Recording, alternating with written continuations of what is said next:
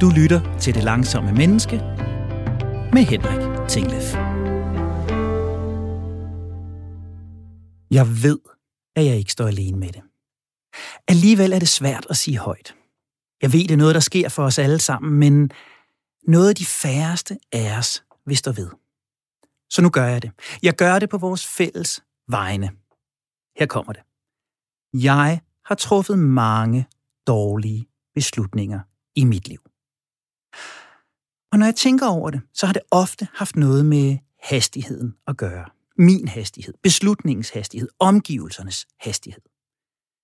Jeg har truffet dårlige beslutninger, fordi jeg selv har haft for travlt. Fordi jeg ganske enkelt har overset vigtige pointer, givet efter for et umiddelbart behov, der ikke viser at holde på den lange bane, eller fordi jeg i mit selvforherligende supertempo har haft fokus på mig selv alene, truffet egoistiske, markerende, trumlende beslutninger, der alene havde til formål at gavne mig. Det har kostet tid, penge, relationer, og så har det gjort mig til ejer af en elektrisk peberkværn. Jeg har truffet dårlige beslutninger, fordi tingene kørte for stærkt omkring mig. Jeg har mistet overblikket, ikke kunne sortere i information. Jeg har ikke kunne tænke klart, og jeg har nærmest i blinde og med susen for ørerne, så truffet en beslutning, der senere, nogle gange bare få sekunder senere, har vist sig at være skingrende skør. Det har kostet tåbelige konflikter. Det har gjort kaotiske situationer endnu sværere. Og i mit arbejdsliv har det kostet både mig selv og mine medarbejdere rigtig mange unødvendige timers arbejde. Jeg har valgt at skynde på mine børn, når det kloge havde været at give tid. Jeg har sagt ja til opgaver eller projekter, jeg senere bitterligt har fortrudt. Jeg har kastet åndssvage kalorier i kæften, selvom jeg vidste, jeg ville fortryde, og jeg har konfliktet med mennesker, jeg kunne have relateret til. Jeg har brugt penge, jeg ikke havde, og jeg har gjort ting, jeg ikke burde. Og ved du hvad, kære lytter? Det har du også. Mest af alt nok bare fordi du og jeg er mennesker.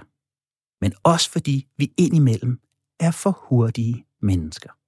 46 procent fortryder noget ved deres boligkøb. Hver anden fortryder et jobskifte. Hver tredje fortryder en tatovering. Og vi kender alle sammen de der tilbagevendende tanker om, hvad nu hvis bare jeg havde tænkt mig ordentligt om? Både i forhold til stå, store og små ting her i livet. Behøver det at være sådan? Ej vel. Det må vi kunne gøre bedre. Det må vi kunne gøre langsommere. Jeg hedder Henrik Tinglef. Programmet her er det langsomme menneske, og det er præcis, hvad jeg øver mig i at være. Rejsen er lang, men den bliver helt sikkert lærerig, og du skal være mere end velkommen til at følge med. Dagens emne er langsomlighed og beslutninger. Dine og mine beslutninger. De kloge og de mindre kloge. De hurtige og de langsomme. De bevidste og de ubevidste. Sammen med mine gæster forsøger jeg at kaste lys over, træffer vi bedre beslutninger, hvis vi gør det langsomt? Er en hurtig beslutning altid en dårlig beslutning? Kan udviklingen, erhvervslivet, samfundet hænge sammen, hvis vi er længere tid om at træffe beslutninger? Og vigtigst af alt, hvordan bliver jeg bedre til at trække vejret dybt, inden jeg træffer min valg? Jeg kan ikke komme i tanke om noget menneske, jeg hellere vil tale om netop de her spørgsmål med end Sally Kalash. Og derfor så er det bravende heldigt, at hun har besluttet sig for at møde op her i studiet hos mig lige præcis i dag. Rigtig hjertelig velkommen til, Sally. Tusind tak. Sally, du er beslutningsteoretiker, du er partner i virksomheden Behavioral Strategy, og så er du forfatter til en af de bøger, som jeg ret ofte vender tilbage til. Det er den, der hedder beslutningsstrategi. Juhu! Ja, ja, ja, ja. Den står fast fremme på hylden. Set fra et fagligt synspunkt, hvad er en beslutning egentlig? Er det både de store ting i livet, og når jeg vælger mellem kaj ketchup og almindelig ketchup nede i supermarkedet, hvad er en beslutning? Øhm, det er, jeg, jeg tager dør nummer to. Jamen, det er, en beslutning er, man, man kan i princippet sige, det, det er jo mange måder, vi kan, vi kan definere det på. Men hvis vi lige tager øh, den neurovidenskabelige tilgang. Ikke? Det er et godt sted. Det er et super godt sted, ved hvad det er så videnskabeligt. Ikke? Altså, hver eneste gang, at din, din frontale del af din hjerne, det lyser op. Øh, hvor du står over for nogle muligheder, og det lyser op så er du faktisk i gang med at træffe en beslutning. Så man kan sådan set sige, at hver gang, at du har flere muligheder, og du vælger en retning, eller du har en mulighed, du vælger at sige ja eller nej, så er du i gang med at træffe en beslutning. Så vi træffer jo rigtig, rigtig mange beslutninger på en dag. Og det er jo lige sådan et spørgsmål, jeg elsker at stille. Hvor mange beslutninger, Sally, hvor mange gange træffer jeg en beslutning i løbet af en helt almindelig dag? Jamen, hvor mange gange tror du? 25.000. Ja. Okay, okay, okay. Øhm, hvis jeg siger, at jeg har en dreng på fire år, og han træffer lige knap 3.000 på en dag. Vil du højere op, eller vil du holde dig for fast i din 25? jeg tænker, du har en meget klog dreng, så han tænker sig nok bedre om, end øh, jeg gør. Jeg skal skære noget ned. Øh, men altså, jeg nu har jeg ikke siddet med elektroder på hans hjerne, vil jeg sige. Bare lige sådan, at der ikke er så myndighederne, der pludselig træder ind. Øh, jeg ved det faktisk ikke, men, men, mm. men hvis du giver mig tre der, så vil jeg måske sige otte stykker. Jeg vil tænke, at jeg træffer flere beslutninger, end han gør. Ja. Du ligger omkring 35.000, hvis Gosh. du er et gennemsnitsmenneske. Øh, og, det er jo, altså, og man kan jo sige, at det er jo, det er jo hver eneste gang, du træffer noget, som er øh, en eller anden form for valg. Langt det meste af det er vi jo ikke frygtelig bevidste om. Det er jo utrolig mange vaner, som, som vi replikerer. Men der er stadig en beslutningsproces i gang. Øh, og bare i det her altså rum, hvor vi sidder, kan jeg jo sådan set sige, jeg træffer en beslutning om, det har jeg jo egentlig ikke tænkt over, men det, hvis jeg skal aktivere det, hvordan jeg sidder, så jeg kan kigge på dig, og jeg samtidig skal kunne tale i den her mikrofon, uden at din producer kommer og slår mig i hovedet lige om lidt, eller du ved, jeg samtidig kan se på mine noter og mine papirer, og der er mange beslutninger, jeg skal træffe på en gang, for ligesom at få det, bare det her ene nej til at gå op, ikke? Ja. Så jeg træffer rigtig, rigtig mange beslutninger, og du siger en sidebemærkning, men det er begrænset, hvor mange af dem jeg er bevidst om. Ja. Hvor stor en andel af de her over 30.000 beslutninger, jeg træffer i døgnet, har jeg mulighed for at påvirke, hvis vi lige skal blive lidt i den sjove statistik? Altså, jeg tror, i princippet har du jo mulighed for at påvirke rigtig meget. Men jeg tror ikke helt, det er det, du spørger om. Øh, fordi man kan jo godt gøre en indsats og påvirke utrolig meget af det. Men hvis du skal sige, hvor meget er det, du faktisk bruger noget aktiv energi på at tænke over, sådan at du ved, at du træffer en rigtig beslutning, så ligger vi nok omkring en 5% af det. Okay.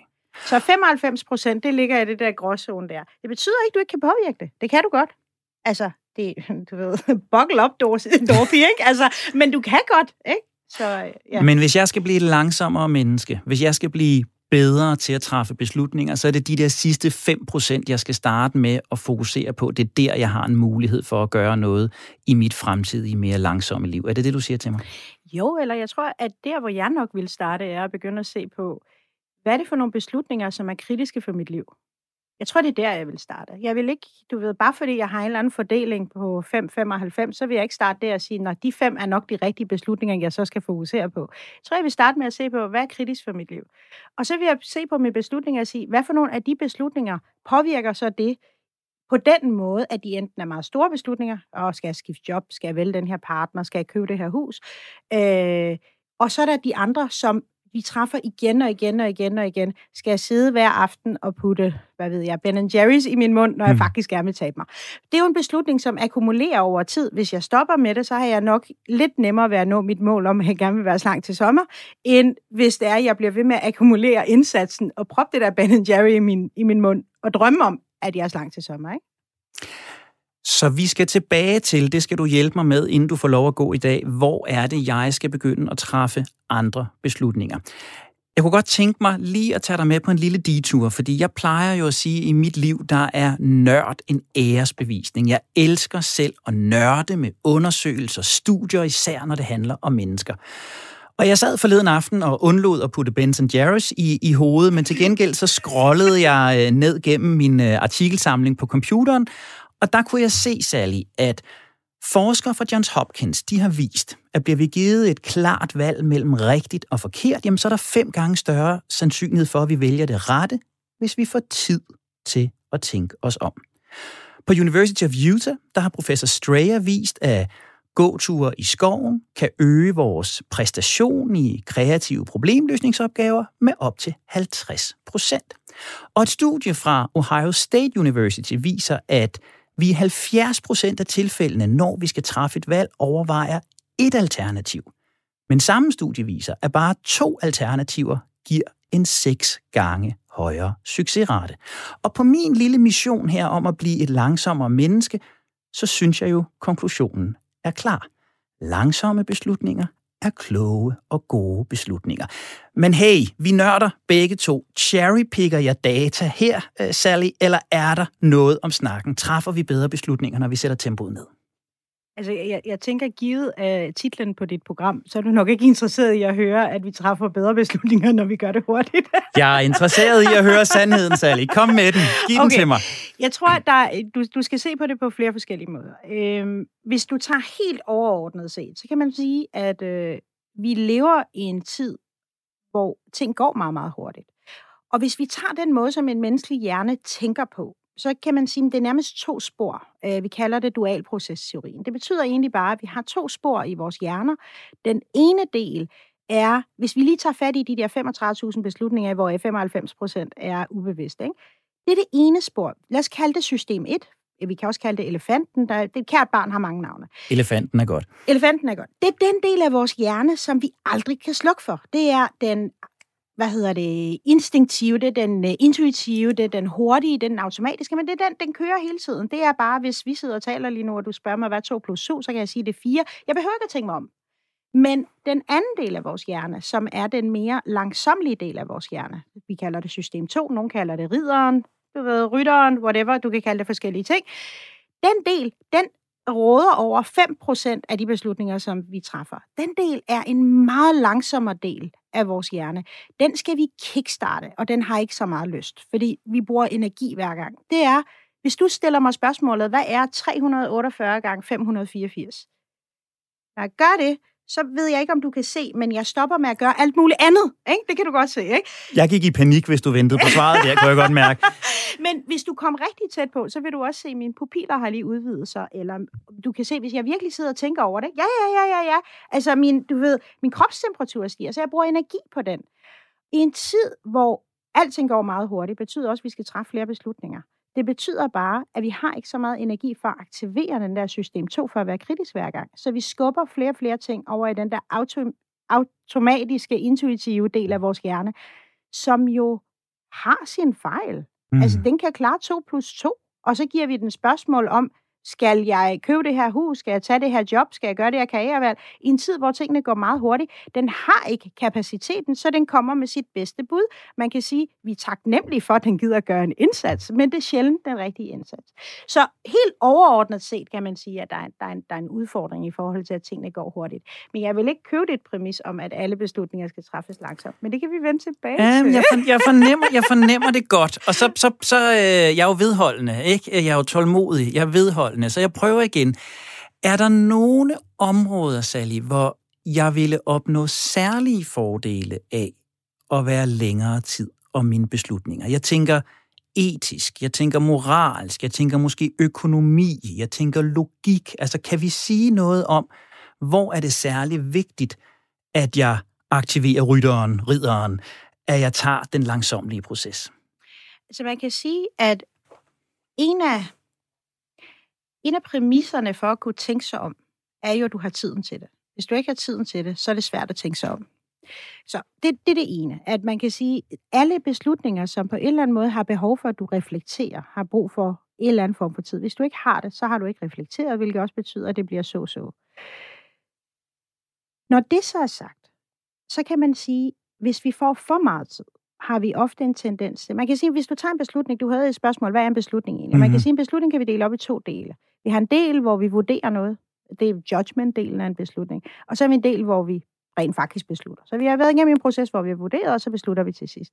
Der er rigtig meget forskning, der viser, at hvis vi bruger meget tid på judgment, uden at have en struktureret proces omkring, hvordan vi så når frem til en beslutning, så har vi ofte en tendens til at træffe flere dårlige beslutninger. Ja det, vi kalder det en logisk, en logisk kompensation, hvor vi på en eller anden måde har en, en, en eller anden form for, øh, hvad hedder det, kapacitet for, øh, hvor meget vi kan aktivere den her vores system 2, uden at, du ved, på en eller anden måde har brug for at sådan på en eller anden måde give noget til den der system 1, til den der elefant, der bare sådan tider og tripper, ikke? Øhm, og når vi bruger utrolig meget energi på at tænke over noget, så er der noget i vores intuitive jeg, som siger, nu må jeg da også have lov til at træffe den her beslutning på baggrund af, hvad der føles super godt nede i min mave, uagtet om den her mavefornemmelse nu engang er reflekteret eller ej. Så vi kan faktisk se, jeg kan give dig for eksempel et eksempel. Øhm, på Harvard Business Review, så var der det her kæmpe studie. Det var det nok det største studie over diversitetsindsats øh, i virksomheder i USA. De havde set på det på altså, kæmpe datasæt over 20 år. Og der kunne de se virksomheder, som havde brugt meget tid langsomlig tid på at reflektere over deres diversitet, øh, aktivere diversitetsprogrammer osv., havde mindre diversitet i deres organisationer end virksomheder, som aldrig havde tænkt over diversitet eller aktiveret en eneste diversitetsprogram. Og det siger sådan lidt om, at tid at være langsom er ikke nok. Du bliver nødt til at have nogle redskaber til, hvordan tænker du over det her? Så der er, man kan sige, at tid er en fundamental del af at kunne reflektere, men det kan ikke stå med, altså alene. Der bliver nødt til at være nogle andre ting, der støtter op omkring en beslutning. Og det, jeg oplever for halvdelen af det her program, det er jo også sådan lidt en uh, egen terapeutisk uh, proces, hvor jeg hiver gratis psykologtimer ud af de uh, mennesker, der, der gæster mig. Så nu tester jeg dig lidt af på nogle af de ting, som, som jeg oplever.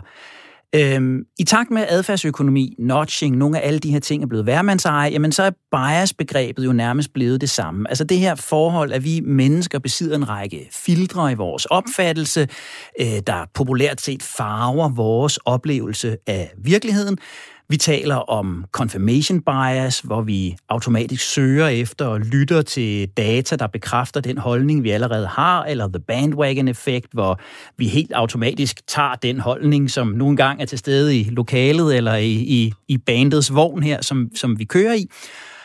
Og jeg oplever i hvert fald, uanset om jeg så kører på elefant eller rytter, jeg oplever, at jo mere hastig jeg er, jo mere hektisk jeg er, så bliver hastighed bias onde søster. Altså jeg bliver, mine biases træder mere frem, når jeg bliver hastig. Jeg har det sådan lidt af min optimism bias, den kommer til at fylde. Jo mere hastig jeg er, jo mere tror jeg om mig selv. Jeg kommer til at tro, at jeg kan nå ting på den halve tid. Jeg tror, jeg kan ting, jeg ikke kan. Er det rigtigt, Sally? Eller er det bare endnu en ting, jeg bilder mig ind? Altså bliver, bliver hastighed bias onde søster bliver det sværere at tæmme nogle af de her biases, når vi er i høj hastighed. Ja, det, det gør det. Og Der var en rigtig hypotese. Jamen, det er så fint. Uh, bare lige for at tage, hvad en bias er. Endelig. Uh, man, man siger, at inden for adfærdsøkonomien opererer med, med to begreber. Uh, heuristikker og biases. Heuristikker, det er sådan nogle tommelfingerregler. Man kan sige, den verden, vi nu engang navigerer rundt i, dengang, hvor vi var på sletten og bare skulle det var jage dyr, så var den jo meget mere simpel, end den er nu. I dag har vi brug for at altså, læne os meget mere op af de her tommelfingerregler, som er sådan nogle mentale modeller, vi laver af verden, og så træffer vi beslutninger på baggrund af det. Øhm, det mine mentale modeller kunne for eksempel være, at jeg propper ting i kasser. Når jeg ser mennesker, så kigger jeg på, hvad har de på, hvordan ser de ud, hvad for en farve har de, osv. Og man kan jo sige, at noget af det er utrolig uetisk i dag, men jeg gør det. Det jeg, jeg propper mennesker ind i kasser. Øh, hvis jeg ser ind i jakkesæt, så tænker jeg, at de kommer, de arbejder nok i en eller anden corporate setting. Hvis de går rundt og har sådan noget, du ved, hipster-tøj på, så tænker jeg, måske arbejder de på... jeg vil ikke sige noget, Henrik.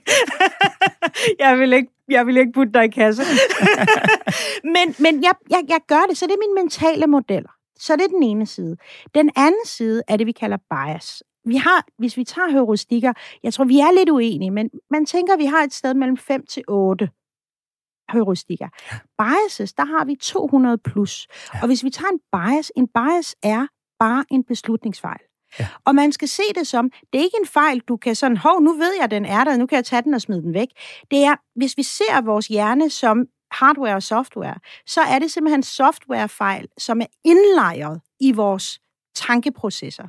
Du kan ikke fjerne dem. Du kan, være, du kan vide, de er der, øh, men du kan aldrig fjerne dem. De vil altid være der bias er markant mere aktiveret, når vi ikke kan tænke over det, og på en eller anden måde, og heller ikke har tid til, på en eller anden måde at indlægge en form for modreaktion for at arbejde imod den. For eksempel ved jeg, du talte om bandwagon-effekt, vi kan kalde det gruppe, hvad hedder det, biases. Det er, når det er, jeg kommer ind i et rum og tænker, du ved, på et eller andet tidspunkt, så bliver vi alle sammen utrolig enige, fordi vi kan ut- virkelig, virkelig ikke lide konflikter. Eller jeg går forbi et restaurant, hvor der er utrolig mange mennesker og tænker, den må være god. fordi du ved ikke, de andre må vide det, ikke? Det er sådan nogle, det er sådan nogle ting. Hvis jeg havde tid til at tænke mig om, så ville jeg tænke, kunne jeg tage fejl? Ja. Og den har jeg ikke, når jeg har travlt. Så man kan sige, at bias fylder rigtig meget, i, når vi tænker hurtigt. Når tingene går hurtigt. Men den fylder altså også, når vi tænker langsomt. Fordi vi har softwarefejl i forhold til den verden, vi skal navigere rundt i. Så vi kan jo ikke fjerne dem. Apropos, hvorfor er det virksomheder, som bruger utrolig meget tid på at aktivere diversitetsprogrammer, ender med at have mindre diversitet? De har haft tid til at tænke sig om. Ja. Men når jeg kan have tendens, og her kommer så endnu en selvafsløring i den her programrække, når jeg kan have tendens til måske at dømme folk lidt hårdt, når jeg kan have tendens til at have lidt for firkantede meninger om andre folks holdninger eller andre folks tilgange til det, så det, jeg hører her, er, at hvis jeg kommer længere ned i tempo, som er selve missionen med det her program, så vil jeg oftere kunne fange mig selv i, mm. hov, her er der en beslutningsfejl, der mm. træder ind. Her ser jeg for unuanceret på det. Det kan godt være, selvom gutten har en gul Brøndby-trøje mm. på, at han kan være en ganske fornuftig fyr at føre en samtale med, og jeg ikke bare lige lader beslutningsfejlen farve det hele for mig. Jo, men kun hvis du tænker, altså, tænker over det på en struktureret, nu har jeg brug for at bruge ordet rigtigt, ikke? Hvis du tænker det på en rigtig måde. Du nævnte selv med den bias, som er confirmation bias, altså ja. bekræftelsesbias. Ja. Lad os sige, at du ikke tænker over det kritisk, men du bare sidder og tænker over det. Så har du utrolig meget tid til at tænke over, hvorfor du har ret. Så på den måde kan du jo faktisk sidde, altså vi ser for eksempel i politiske debatter, der ser vi, at vi, vi har en bias, som, som kommer af bekræftelsesbiasen, som hedder polariseringstendens, eller polariseringsbias. Yes. Og der kan vi simpelthen se, hvis vi to sidder og er dybt uenige, og folk sidder og har tid, og har afsat tid, en time, til at sidde og lytte til os, de kommer ind, måske er de, nogle af dem er svagt enige med dig, og nogle af dem er svagt enige med mig. Fordi de har haft tid til at lytte til os, så ender de med, når det her program er slut, at være totalt enige med dig, dem der startede med at være svagt enige med dig, og totalt enige med mig. Så det vil sige, at vi er faktisk i gang med at polarisere mere, fordi folk de ikke stopper op og tænker, hvordan kunne jeg tage fejl? Så du kan jo ikke bare have tid, du skal have nogle redskaber til at tænke over det. Og de redskaber skal du hjælpe mig med en lille smule senere. Lige nu er jeg blevet klogere på den måde, at tid gør det ikke i sig selv. Tiden er ikke den vigtigste faktor. Det er som så meget andet her i livet et spørgsmål om, hvad jeg bruger tiden til. Du har stillet din radio ind på Radio 4. Programmet, du lytter til, er Det Langsomme Menneske. Mit navn er Henrik Tinglef, og godt guidet af beslutningsteoretiker Sally Kalash, der er lige kommet en to-tre skridt nærmere, og så også et par stykker fjernere fra at blive det langsomme menneske, som jeg rigtig gerne vil være. Heldigvis så har jeg indkaldt yderligere assistance. Jeg har med på en linje direkte fra Lykstør, et øh, menneske, som har taget i alt fald en del af rejsen før mig det er direktør i Scandibyg, Christian Halken. Christian, rigtig hjertelig velkommen i æderen. Mange tak for det, Henrik.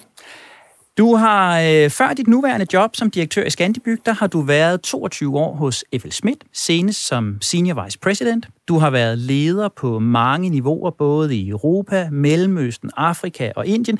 Du har med andre ord truffet rigtig mange store beslutninger i dit liv. Så lad os øh, Gå lige til benet, Christian. Start fra toppen. Hvor mange vigtige beslutninger træffer du på en helt almindelig hverdag?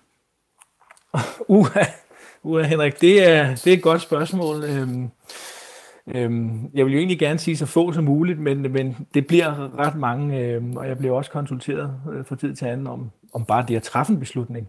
Øhm, så der bliver truffet mange beslutninger på en, øh, på en dag. Det gør der. Så uh, Sallys bud på 35.000 er måske uh, det, der passer meget godt ind i en helt almindelig arbejdsdag for dig, og så kommer dem om kaffe og ketchup og arten af hvedemel oveni. Og nu, og nu sagde du vigtige beslutninger. Ja, det er godt. og hvis du skulle komme med et, uh, et, uh, et bud, Christian, hvor mange af de vigtige forretningsmæssige beslutninger, du træffer på en dag, Oplever du, at du har god tid omkring, altså at du føler dig komfortabel med at træffe? Ah, men, men der er ingen tvivl om, at nogle gange, så, øh, så bliver der måske skudt lidt for hoften, og det bliver jo skudt i forhold til måske noget erfaring, som, som, som jeg har, men, men der er heller ingen tvivl om, at, baseret på de mange års erfaring, jeg har, så har jeg også fundet ud af, at jeg skyder forkert, øh, også ofte. øh, og, og det har jo gjort, at jeg over tid er begyndt at tænke lidt mere over tingene, og måske også være lidt kritisk i forhold til de rum, jeg som, eller de, de mennesker, som jeg omgiver mig med, øh, når der skal træffes beslutninger. Så, så der, der bliver skudt for hoften fra tid til anden. Øh, der bliver truffet nogle hurtige beslutninger, men jeg prøver at give mig tid til også at, at reflektere lidt over, hvad det er for nogle beslutninger, der skal træffes. Og de refleksioner, dem vil jeg rigtig gerne høre øh, meget mere om lige om, om 30 sekunder. Først kunne jeg godt tænke mig at spørge dig til, nu har Sally jo sådan taget lidt af brøden af min øh, hypotese. Hun har udfordret mig øh, lidt på den, så nu må du hjælpe mig her, Christian, i min mission. Ikke? Har jeg ret i min antagelse? Er beslutningsprocesserne under tempopres ude på direktionsgangene? Altså er der for travlt på direktionsgangene til, at vi får truffet nok rationelle beslutninger? Hvad oplever du? Det, det jeg oplever, det er jo, at, at jeg, jeg, jeg tænker lidt, at mange af de beslutninger, der skal træffes, er måske også mere komplekse øh, nu om dagen. Der er meget mere data omkring, øh, omkring nogle af de beslutninger, der skal, skal træffes, og, og, og så kan man komme ind i de her situationer, hvor vi måske også reflekterer lidt for lang tid over de ting, der, der skal. Og nogle gange så bliver vi jo presset fra investorer, vi bliver presset fra, fra, fra måske organisationen om, at nu skal der træffes beslutninger, og så bliver der jo truffet beslutninger. Måske er de ikke altid lige øh, øh, velovervejet. Jeg oplever dog, at der er en spirende øh, i, i forhold til de netværk, jeg sidder i, en interesse i netop at være lidt kritisk i forhold til også mængden af beslutninger, mængden af vigtige beslutninger, lige måske stoppe op, give sig lidt ekstra tid, få konsulteret, få en kritisk holdning til den, til den øh, øh, også, også den kritiske holdning til, til det, den beslutning, der skal træffes, øh, kan man se det fra en anden vinkel, end bare det, at øh, jeg har en idé, og jeg synes, den er god, og nu løber jeg med, med, med, med bolden. Så der sker noget ude i, øh, på direktionsgangen også nu. Så der sker i virkeligheden en bevægelse hen imod, vi vil gerne træffe mere rationelle, mere fornuftige og måske også mere velovervejede beslutninger ude i det helt virkelige pulveriserende erhvervsliv. Det er det, du siger til mig? Jeg siger, at vi i hvert fald gerne også vil have en kritisk holdning til øh, de øh, problemstillinger op. Ja, det er det. Og nu griber jeg fat i en uh, multitaskende Sally, som sidder herovre ved siden af mig. Et andet program kommer til at handle om, hvad multitasking gør ved hjernen. Den tager vi der, Sally. Uh, er, er, det et, er det et træk, du kender? Du møder jo også mange virksomheder og rådgiver mange virksomheder. Det Christian beskriver her i forhold til et ønske om en ændring, et ønske om en anden tilgang til beslutning. Er det, er det et billede, du genkender? Ja, det gør jeg helt klart. Helt klart. Men jeg tror, som Christian også beskriver, at det er bare en udfordring, fordi man lever en hverdag, hvor at der er mange forskellige pres. Og man kan sige, hvad er en god beslutning? En god beslutning har vi ofte en tendens til at definere som en rationel beslutning. Hvad er så en rationel beslutning? En rationel beslutning er, når du sætter dig et mål, og de handlinger og beslutninger, du så efterfølgende træffer, bringer dig nærmere det. Man kan sådan set sige, at det må være et rationelt beslutning, du kommer tættere på de ting, du gerne vil have. Problemet er, at der er mange andre ting på spil. Altså man kan sige, jeg ved ikke, der, der er den her forsker, der hedder Jordan Peterson, sådan en meget kontroversiel, superspændende fyr, men han beskriver for eksempel også, at vi er i en proces, hvor at menneskets hjerne består af mange dele. Og de mange dele er ikke du ved, aligned, eller hvad hedder de, de er ikke konsistente. Ofte så er de konkurrencer. For eksempel, det ene øjeblik, så er jeg mæt og tænker, nu har jeg lyst til at leve sundt. Det næste øjeblik er jeg hammerne sulten og tænker, nu jeg kom lige forbi en kanelsnore. De to ting, det er ikke, vi taler omkring det som inkonsistent, men problemet er, at man skal nærmest se på et menneske som mange forskellige mennesker i et menneske. Og de forskellige dele af vores hjerner er konstant i konkurrence med hinanden. Så man kan sige, der er mange ting, der stiller en barriere i forhold til, hvordan er det, vi kan få den her rationelle beslutning til at gå op. Ja, ja, hvis vi var i Star Trek's Mr. Spock, så skulle det nok kunne lade sig gøre, men det er vi bare ikke. Vi, vi er i et andet univers. Så den kender man, og jeg kom til at tænke på, der er øh, det her forskning fra øh, McKinsey Quarterly, der blev lavet, hvor det viser sig, at i virksomheder, hvor at man havde haft en strategisk proces, og det var gået rigtig godt, man havde nået det, man gerne vil have, så var der 6 ud af 10 af C-level, altså topledelsen, som sagde, at øh, de synes, det var 50-50, om de havde truffet en god beslutning undervejs eller ej. Ja. Og det synes jeg er meget sigende, yes. også i forhold til det, som Christian siger. Yes. Og Christian, du siger jo, at, at der er en bevægelse øh, i gang derude. Jeg ved også, at du jo helt aktivt selv har arbejdet med dine slut, beslutningsprocesser. Du har arbejdet med den øh, tilgang, du har til at træffe beslutninger, omgås medarbejdere i din hverdag. Hvis du skulle rådgive mig, jeg vil gerne ud på, øh, på denne her øh, rejse, hvad er, hvad er det vigtigste, du har ændret? Hvad er det vigtigste, du har forholdt, forholdt dig til i, øh, i dine valg mellem kanelsnore og øh, de forretningsmæssige beslutninger? ja, men, men, men for mig, der har det jo... Altså, øh, det at involvere, det at involvere medarbejderne, det er også at skabe noget, et, et rum for beslutninger, også kan træffes ude, øh, ude blandt, øh, blandt medarbejderne, helt nede på, på, på laveste niveau. Det er noget af det, vi arbejder meget med her, så det ikke bliver ledelsen, der har, har tænkt en forkromet plan, og nu skal den bare implementeres helt ud, og vi er nærmest har tænkt øh, alt, alt ned i detaljer ud på den, øh, på den, øh, på den sidste lægte. Så, så det med at involvere medarbejderne, det med at, at lade dem træffe nogle beslutninger, og også måle på de beslutninger, der kommer op. Gode og dårlige beslutninger, og lære af det, det er noget af det, som vi arbejder meget med her også, øh, tidligere, men også her i Skandibyg. Så det i virkeligheden handler om at fjerne nogle beslutninger fra dit bord. Nogle af de beslutninger, som du måske ikke nødvendigvis er den rette til at træffe, men som træffes bedre af et menneske med mere hands-on på processen eller detaljekendskab. Ja, det er, jo, det er jo den rejse, som jeg har været igennem, og det kan være, at en teori, der beskriver noget andet, det kan særlig forklare. Jeg, jeg, jeg har den oplevelse, at vi som ledere, så var vi jo i tidernes morgen altvidende, vi skulle gå til lederen, og så havde han svar på alt, og han kunne træffe alle beslutninger. Og der har jeg bare, øh, må jeg bare erkende, at den, den, den rejse, som der sker nu, med den kompleksitet af data, der kommer ind, og, og, og, og, og det vi oplever, jamen der skal beslutninger træffes helt ude i det led, hvor de sidder med, med bedste øh, kompetencegrundlag for at, at træffe de beslutninger, ja. ja.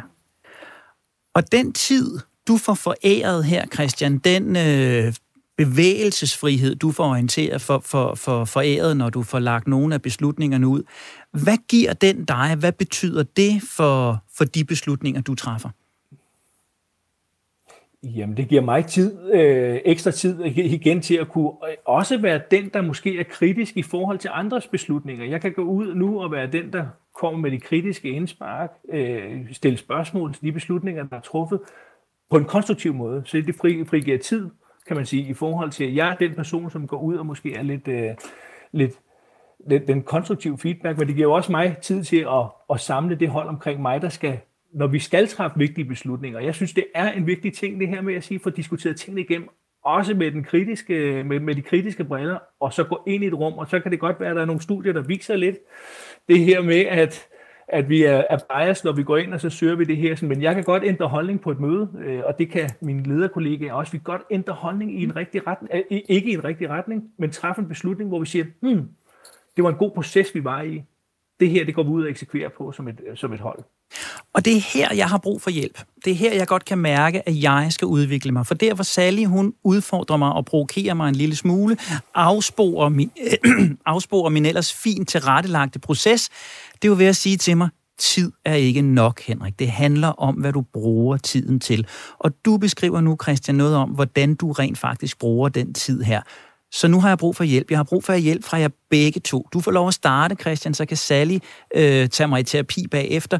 Hvordan bruger jeg den tid, som jeg mm. lægger ind? Når du får foræret den her tid, hvad er det for hjælpespørgsmål, du stiller dig selv? Hvordan er det, du sørger for, at du ikke bare bliver mere overbevist om dit eget, men rent faktisk får nye perspektiver ind? Hvad vil du råde mig til helt lavpraktisk?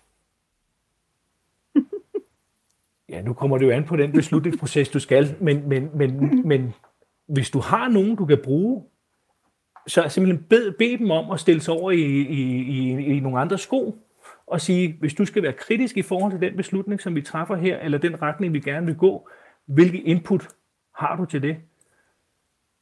Og det, det, det, det, vi, øh, det, altså det er den måde, hvis vi, vi bruger det jo tit i forhold til kundestrategi. Øh, hvis vi var kunden i det her, skulle se kritisk på os, hvad er det så, vi skulle gøre her. Hvis vi er medarbejdere, og vi implementerer den her løsning, hvad er det for en kritisk tilgang, som, som, som vi vil se, hvad er det for en modstand, vi vil se i organisationen, og simpelthen spille de roller, øh, der er. Og så det er også den anbefaling, jeg vil, øh, vil anbefale dig. Hvis du skal have tid til det, så konsulter nogle andre, og lad dem komme med nogle kritiske input til den beslutning, der skal træffes.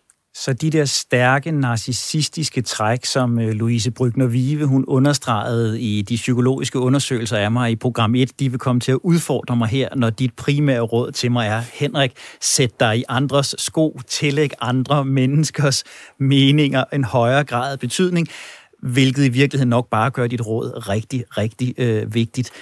Øh, Sally, du har lyttet med på, mm. øh, på Christian. Du har siddet og nikket og smilet undervejs. Jeg tænker, du øh, langt hen ad vejen kan støtte det, Christian siger, men jeg stiller samme spørgsmål til dig alligevel. Hvordan er det, jeg skal bruge den tid, når jeg nu ikke bare skal polarisere yderligere, men jeg sætter tempoet ned, men hvad skal jeg udnytte min tænketid til, så jeg træffer mere rationelle, rigtige beslutninger? Mm. Jeg synes, at øh, langt hen ad vejen, så er Christian fat i den helt lange ende. Åh, oh, her, synes, nu har han det, det på bånd. Det. det første, du skal gøre, det er at ringe til Christian. Nej, jeg vil sige, at, øh, at der er flere ting, du kan gøre. Øhm, jeg tror, det første, du skal stille dig selv, når du står over for et spørgsmål, det er, er det et kritisk spørgsmål eller ikke? Ja. Og det tror jeg er en super vigtig ting, fordi tænk tilbage på, at de der 5%, som vi bruger til at reflektere over, de trækker energi. Så hvis du bruger den energi på de forkerte ting, så har du ikke energi til de rigtige ting. Så det første, stil dig selv, er det et kritisk spørgsmål. Hvis du står og tænker over, hvad du skal spise til aftensmad, let it go, whatever. Altså, du ved, spis det, de andre spiser. Hvis det er et kritisk spørgsmål, så skal du have en proces omkring det. Det næste, du skal gøre, er at stille dig selv spørgsmålet. Er det et personligt, er det et privat spørgsmål, eller er det et professionelt spørgsmål? Det er en anden måde at sige, er det et subjektivt spørgsmål, eller er der et objektivt rigtigt svar her? Mere objektivt rigtige svar. Hvis det er et subjektivt spørgsmål, så skal du faktisk ikke bruge frygtelig meget tid. Det er vigtigt, men det er subjektivt. Så skal du ikke bruge frygtelig meget tid på at tænke over det. For det, der sker, lad os sige, at du tænker over, jeg skal tage det her, skal jeg købe den her bil eller ej, inden for min prisklasse der er en bil, der intuitivt taler til dig. Ej, den er bare for fed, ikke? Altså for mig vil det altid være en vintage Porsche, cool Porsche, ikke? jeg vidste, der var noget galt med dig. Ja, der måtte være en fejl know, et eller andet sted. I know, ja. I know. Men, men du ved, en gul... Nå, anyway, ikke? Der er en, der virkelig taler til mig, men der er en anden, der er virkelig fornuftigt, for jeg har to små børn. Hvis jeg bruger for lang tid på den, så ender jeg med den fornuftige. Og det er ikke sikkert, at den gør mig glad. Men, og og det, det er heller ikke nødvendigt, at jeg skal have den der gul og blive glad. Men det er bare lige for at sige, at det øjeblik, vi spekulerer for meget over subjektive spørgsmål, som vi har en præference omkring, vi har faktisk en holdning, så ender vi ofte med at gå med det, der er det fornuftige, i stedet for det, vi har lyst til. Så det er den næste trin i det. Tredje trin er, hvis det er et objektivt, det er et professionelt spørgsmål, du tænker over, så vil jeg sige, der er mange ting, du kunne gøre. Men det vigtigste, jeg vil gøre, er at overveje, hvis jeg har en tanke eller en idé, hvordan kunne jeg tage fejl? Hvorfor kunne jeg tage fejl?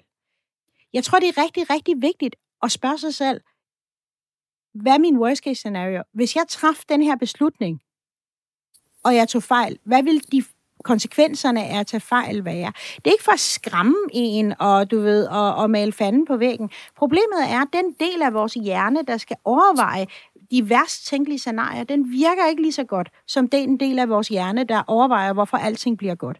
Og det er derfor, vi ofte har en tendens til at springe budgetter, og vi springer tidsrammer, og vi kan ikke forestille os alle de ting, der går galt, og det rammer os som en boomerang efterfølgende. Den del af vores hjerne fungerer ikke lige så godt, så vi skal aktivere den. Så hvis der er en ting, så vil jeg overveje det. Warren Buffett, han kalder det for inversion rule. Gary Klein kalder det en premortem, hvor man siger, inden tingene går galt, så lav din diagnostisering og se, hvordan det her, det kunne, du kunne slå alting ihjel. Den er utrolig vigtig. Altså, jeg kalder den negativ reglen, hvor man vender alting om. Ja. Den er super vigtig. Og så kunne du også gøre det, som Christian siger, spørg nogle andre, fordi ja. den der diversitet er så ekstremt vigtig, og så lytter til det seriøst. Og jeg tænker, i det du siger her, og nu kan jeg jo bruge Christian som min, øh, som min marker i det, og finde ud af, om jeg, om jeg står alene her. Men jeg, jeg kan mærke, at der, hvor jeg kommer til at vakle, det er mellem det subjektive og det objektive. Jeg kommer til at vakle mellem, at det her er en subjektiv beslutning eller en objektiv beslutning, og jeg kommer nok til at give begge dele lige meget opmærksomhed. Jeg oplevede i min tid som leder, Christian, at jo mere presset jeg var, jo hurtigere tempo jeg var i, så blev jeg mere optaget af, hvad andre ville synes var rigtigt, hvilken beslutning jeg kunne træffe, som andre ville billige og ikke gav mig problemer, end hvad der nødvendigvis var den rationelt objektive øh, rigtige beslutning. Er det en krog, du også kan blive fanget i som leder, eller viser det bare noget om, om mine fejl og, og mangler? Jeg, jeg, jeg vil sige, at øh, jeg tror også i mine yngre dage var jeg måske nok lidt mere øh, der, hvor jeg godt vil have, altså træffe beslutninger, som passer ind i andre. Det kan jeg mærke med alderen, at jeg er blevet lidt mere øh, rationel. Og jeg har nok også givet mig selv lidt mere tid til at kunne, øh, kunne reflektere over de ting, som, som hvad, hvad, hvad er øh, hvad, hvad er worst case scenario for de her beslutninger, og, så, og, og hvad er det rigtige at gøre. Så det, det, der, der er sket noget med alderen. Men ja, det er øh, noget, jeg har oplevet. Og er, er det balancen mellem det subjektive og objektive, der driller der, Sally? Eller hvad er det, der går galt for mig, når min pressede hjerne bliver mere optaget af andres meninger om, om det valg, jeg træffer, end hvad der måske objektivt set er det rigtige? Jeg tror, det, det kommer nok tilbage til, øh, hvordan hjernen lige hænger sammen. Fordi vi har, sådan, nu har vi lyttet igennem rimelig mange år, og siden sådan, i den her postkrigstid efter 2. verdenskrig, har vi lyttet utrolig meget til økonomer. Og økonomerne har den her mantra, som er, når vi træffer en beslutning, så træffer vi for at optimere i forhold til det, vi gerne vil have. Ikke? Det er egennyttemaksimering. Vi du ved, flasket op med det. Altså, ja. de synes, ikke? Det, det, den tanke er blevet alment, når vi træffer beslutninger, så er vi i gang med at optimere. Ikke? Og siger man, ja, men du ved, optimerer vi i forhold til, hvad for en form for nytte. Men vi stiller aldrig spørgsmål i forhold til, er det faktisk det, vi gør? Det, som adfærdsøkonomer har fundet ud af, og jeg tænker, det er den næste revolution, der kommer til at ske, er, vi har fundet ud af, at vi er ikke i gang med at optimere i forhold til vores egen nytte. Hver eneste gang, vi træffer en beslutning, så er vi i gang med at optimere i forhold til, hvad vi kommer til at fortryde mindst. Og det kan vi simpelthen se. Vores hjerne er meget mere indrettet efter altså det, vi kalder regret avoidance, eller fortrydelsesaversion, end det er i forhold til, hvad vi er i gang med at optimere i forhold til. Vi kan for eksempel se det, når vi stiller folk over for 30 valgmuligheder i forhold til 5-6 stykker.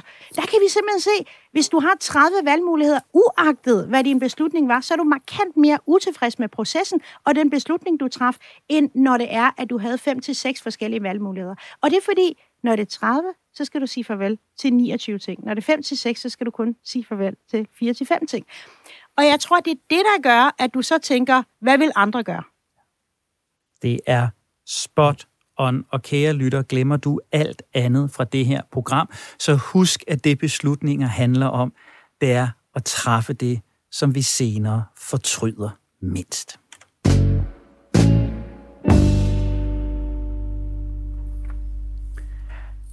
Din radio står lige nu på Det Langsomme Menneske. Den står på Radio 4.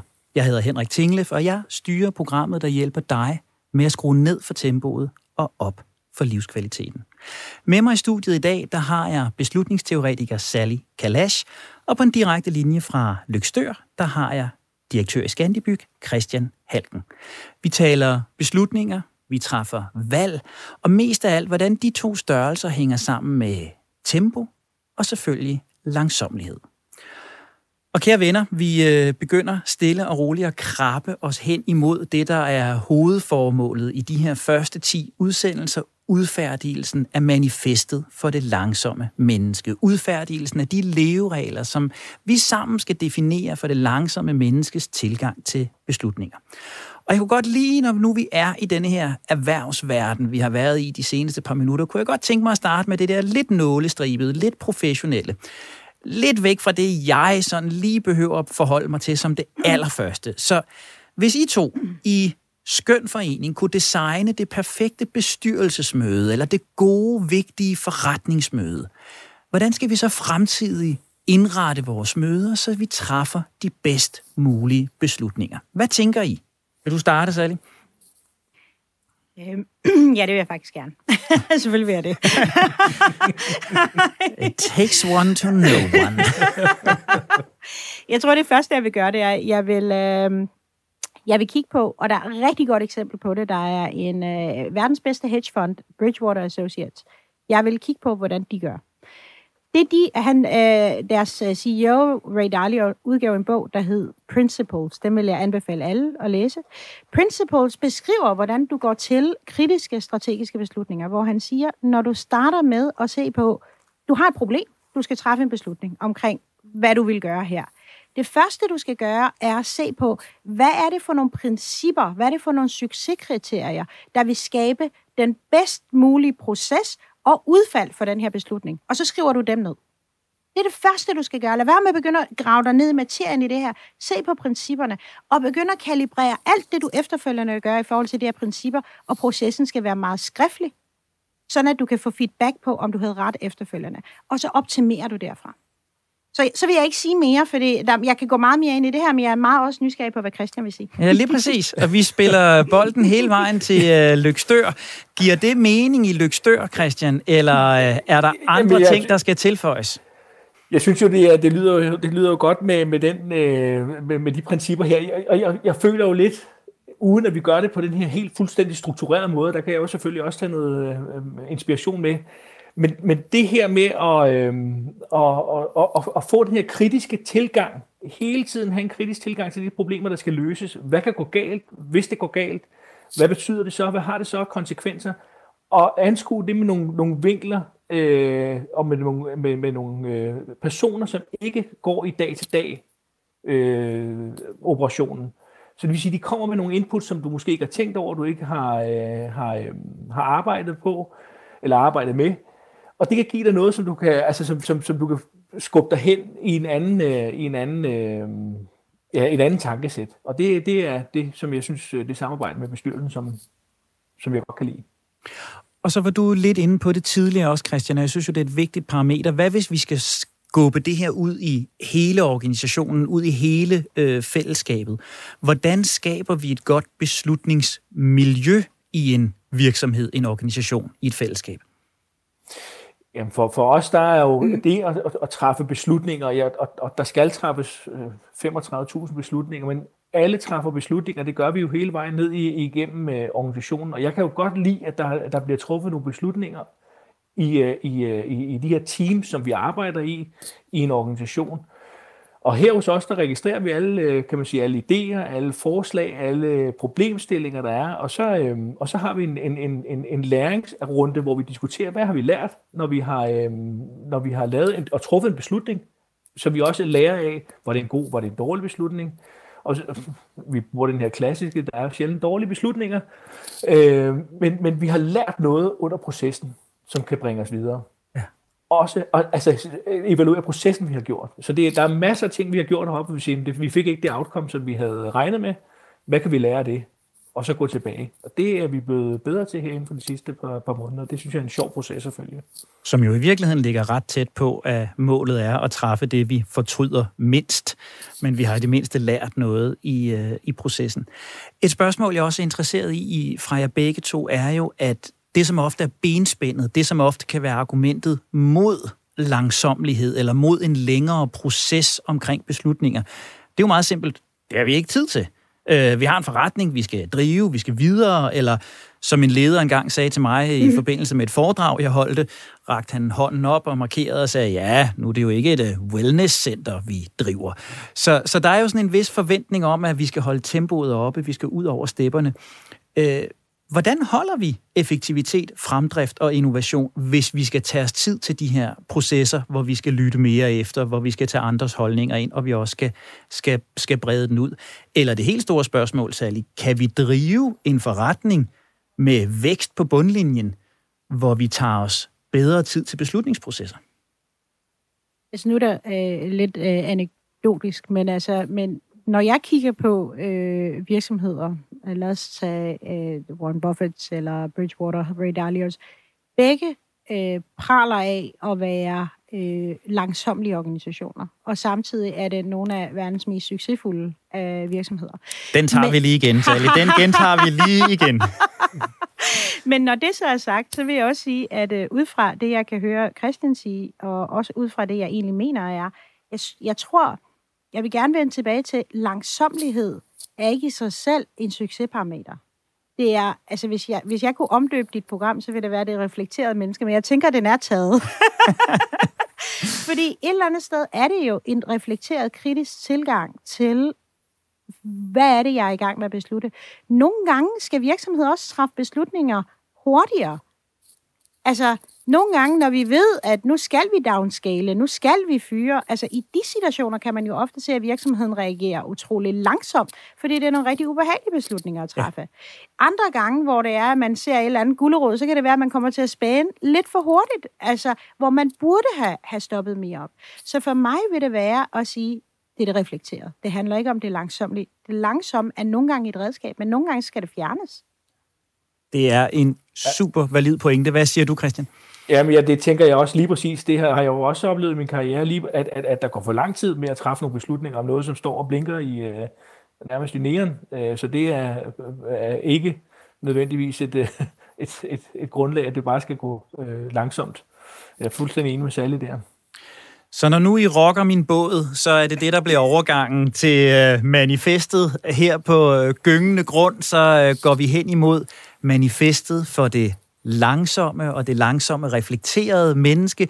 Jeres bud på en af de leveregler, som jeg og de mennesker, der som jeg forsøger at sætte tempoet lidt ned, skal følge. De pejlemærker, vi skal navigere efter, når målet er de bedste beslutninger.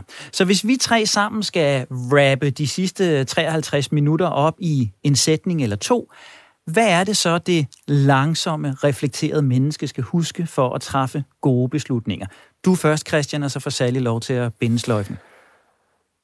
Jamen for mig der er det, altså, det er involvering i forhold til de beslutninger, der skal, der skal træffes, øh, og, og ikke for at, at skabe enighed, men for at have en kritisk, for at få en kritisk stemme på de beslutninger, der skal, skal træffes. Det er, det er utrolig vigtigt for mig. Kritisk involvering. Hvad tænker du, Sally? Ja, det tænker jeg er super vigtigt. Jeg har også lidt lyst til at binde en sløjfe tilbage til det allerførste, du sagde, med alle de tatoveringer, man har fortrudt. det skal klart med i manifestet.